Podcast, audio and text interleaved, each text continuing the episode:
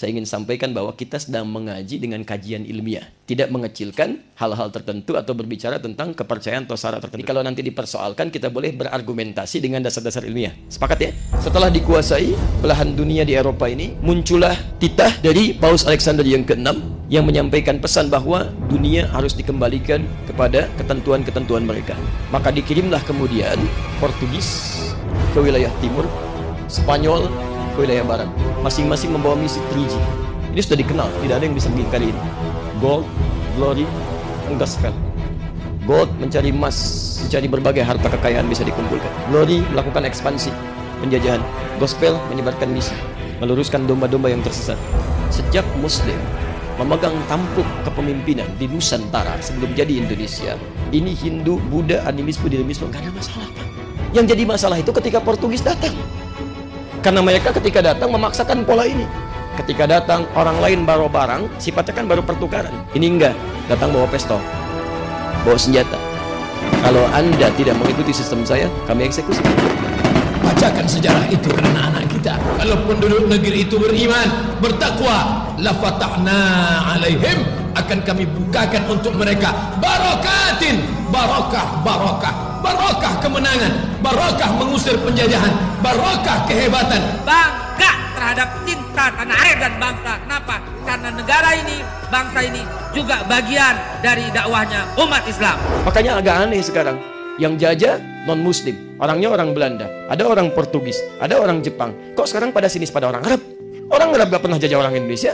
Mereka yang bantu kemerdekaan kita, yang mereka menyokong kebaikan kita, Muslim bertemu dengan kita, berintegrasi dengan kita, bersinergi dengan kita. Kenapa sekarang jadi pada ramai? Barangkali agak kurang sehat saat ini ya. Ternyata sumber informasinya itu adalah Profesor Dr. Abdul Ghafur. Tak lain tak bukan dia Snokur Kronya. Nama Belandanya. Ya, ya. Karena dia nyamar S1-nya dia ngambil jurusan tentang agama Islam, S2-nya dia ngambil jurusan tentang Wali Songo, S3-nya ngambil jurusan tentang perayaan-perayaan di Mekah, Universitas Leiden di Belanda.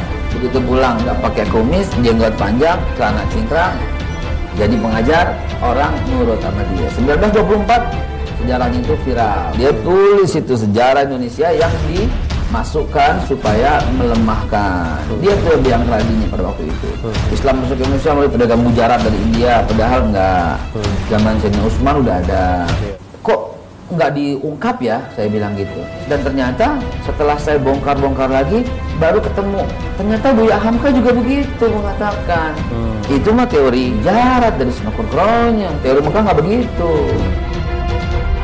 Kejahatan terbesar yang dilakukan oleh Senok Urgronya berkisar pada dua hal. Upaya keras yang dilakukan olehnya untuk memotong-motong Islam dan memecah belah kaum muslimin khususnya di Indonesia itu kejahatan yang teramat besar tidak terampuni kemudian kejahatan besar yang kedua yaitu bagaimana ia mencoba untuk menghapus pikiran menegakkan syariat Islamiah sampai kepada menegakkan khilafah dari kesadaran kaum muslimin. Bismillah.